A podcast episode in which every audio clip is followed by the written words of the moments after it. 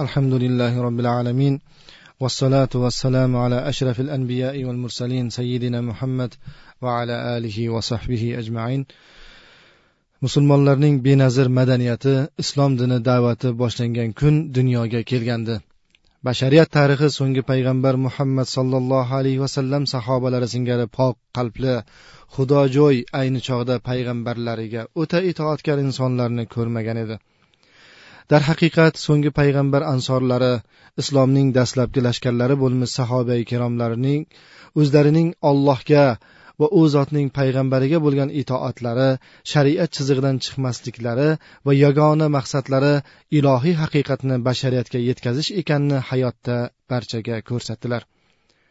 Islom dini bashariyatga qalban va qoliban kattayu kichik amalda yolg'iz parvardigor rizosini istashni ta'lim berdi. Qalblarida iymon o'rnashib iymon nuri yuzlari va a'zolariga balqigan va la ilaha illalloh bayrog'ini oliy ko'targan sodiq sahobalar bashariyatni zulmatdan nurga nohaqlikdan haqiqatga da'vat qilish yo'lida aziz jonlarini fido qildilar. Islom dini bashariyatni bandalar bandachiligidan yolg'iz olloh bandachiligiga yetakladi. Har bir haq egasiga haq huquqlarini bekamkust ado etdi. Bugunda demokratiya davlatlar hurriyatini talab qilayotgan ayollar huquqini islom dini hayotga bundan o'n to'rt asr burun eng go'zal suratda tadbiq qilib bo'lgandi. Shuni ta'kidlamoq joizki islom dini nazariyasida ayol zoti nafaqat farz beruvchi inson balki jannat oyoqlari ostida bo'lgan tabarruk siymolardir. Johiliyat davrida jazira arablari ham boshqa millatlar singari ayol zotini or sanashar qizlarni tiriklayin ko'mish esa jazira arablarining udumiga aylangan edi. Islom dini kelib ayollar sha'nini ko'tardi. Ularni merosga sherik qildi. Uy bekaligi va farzandlar tarbiyasi ayol zimmasiga oila va bola chaqani halol mehnat bilan boqish esa erkak zimmasiga yuklatildi. Keling azizlar yaxshisi islom dinining benazir xulqiga shohid bo'lgan nasroniy ayolning tarixiy va ayni paytda haqiqatni tan olgani haqidagi qissani birgalikda eshitaylik. Madinai munavvara shahrida islom davlati qaror topgach islom lashkarlari yer yuzining chor atrofiga haq da'vatini yetkazish uchun ot choptira boshladilar. Misr fathiga bel bog'lagan ulug' sahobiy amr ibn os roziyallohu anhu arab dohiylarining biri deya zarbi masal qilingan shaxsdir. Misrdagi qibtiylar hokimi muqovqas qizi armanusani qistintin ibn hiraqlga unashtirgan edi. To'y tantana falastindagi qayosiro shahrida bo'lishi kelishilganligi bois muqovqas qizini dovud askaru yuzlab askarlar qurshovida yo'lga ravona qiladi. Malika mavkubi bilan misrning bulbay shahriga qo'nadi.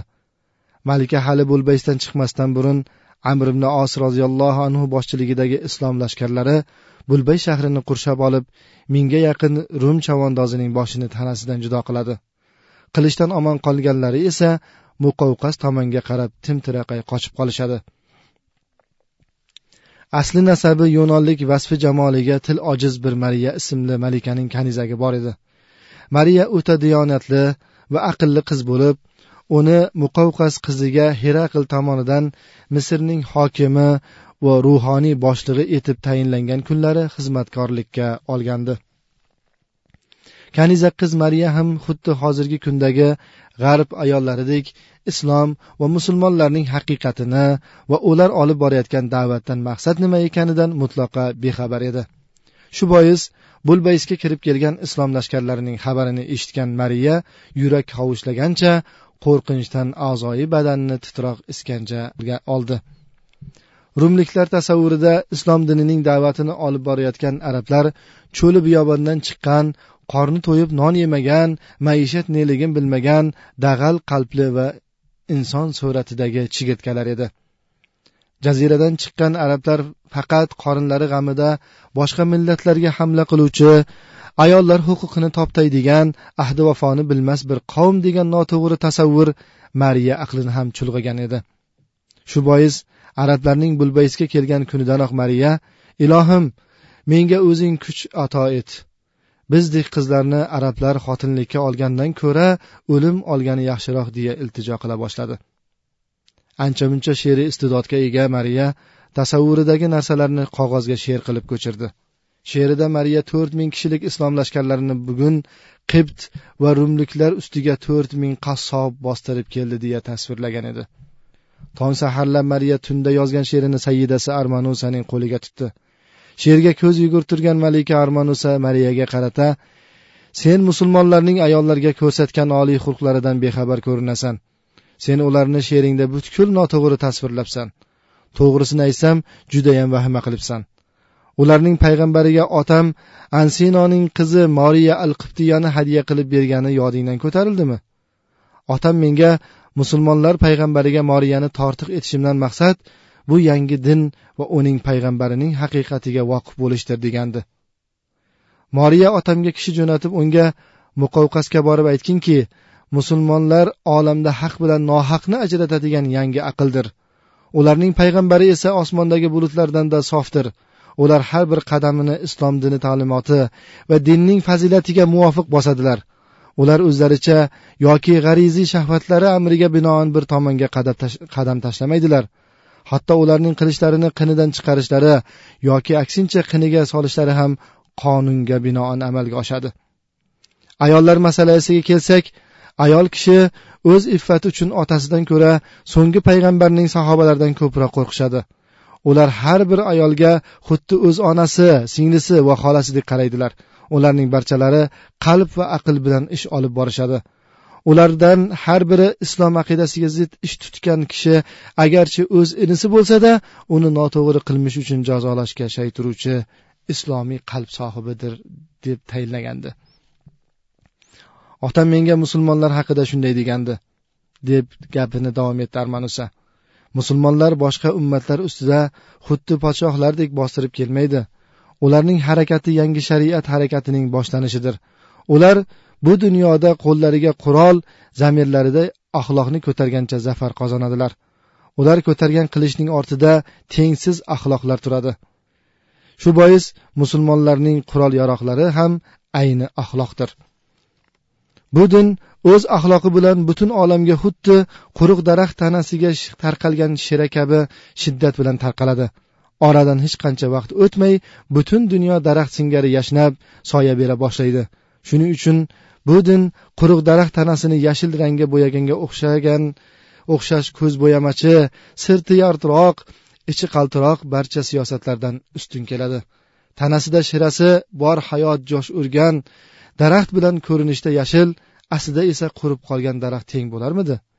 Bordiyu rangda biri biriga o'xshasada amallari va mevalari farqlidir.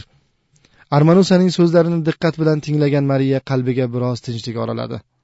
Hovuchlagan yuragidan qo'lini tushirgan mariya tilga kirib aytganingiz iloha haq bo'lsin begimoyim so'zingizdan musulmonlar shaharni fath qilsalarda bizlarga hech bir aziyat yetmas degan ma'noni chaqib xotirjam bo'ldim dedi.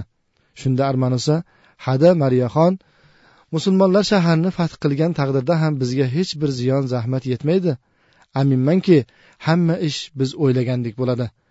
Sen musulmonlarni mana bu halol harom demasdan dunyo uchun jonni beradigan hayvon sifat madaniyatsiz rumliklarga mengzatma musulmonlar dunyo matolaridan behojat bo'lish kerak halol narsalarni yeyish kerak degan tushunchaga egadirlar.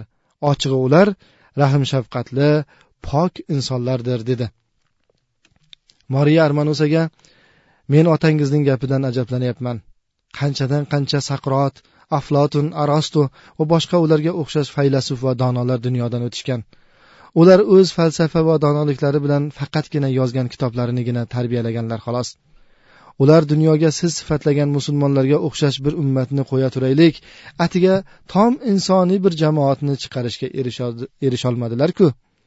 Musulmonlarning aytishicha o'qish va yozishni bilmagan savodsiz payg'ambar bu sifatdagi ummatni dunyoga keltirishga qanday qilib erishdi ekan? Yoki kibor faylasuf va siyosatchi va tadbirkorlarni masxara qilgan haqiqat o'qish va yozishni bilmagan kishiga taslim bo'ldimikan deya savol tashladi. Armanusa nahotki sen osmonni koinotdagi zarralarni va falak hisobini biluvchi ulamolar tongni ottiruvchi yoki quyoshni chiqaruvchi emasliklarini bilmasang men esa bu hayotda ishi kishi olamni yurgiza oladigan sog'lom ilmiy fikrlarni vujudga keltiradigan tabiiy xilqatdagi bir ummat albatta bo'lishi kerak deb o'ylayman. Men iso alayhissalomni hayoti amali va yashagan davrini o'rganib chiqdim. U kishi ham umr bo'yi mana shunday ummatni vujudga keltirishga harakat qilgan ekanlar. Lekin iso payg'ambar ana shunday ummatni kichik bir ko'rinishda o'zida va atrofidagi shogirdlarida bunyod eta olgandi xolos. Iso alayhissalomning bu harakati ana shunday xolis jamoatni hayotda ko'rish mumkinligini tasdiqlagandi. Mana bu o'qish va yozish ana shu haqiqatning zohir bo'lishi o'sha ayni haqiqatga tanbehdir. Bu haqiqatning uzil kesil dalili esa uning ilohiy ko'rinishda zohir bo'lganligidir.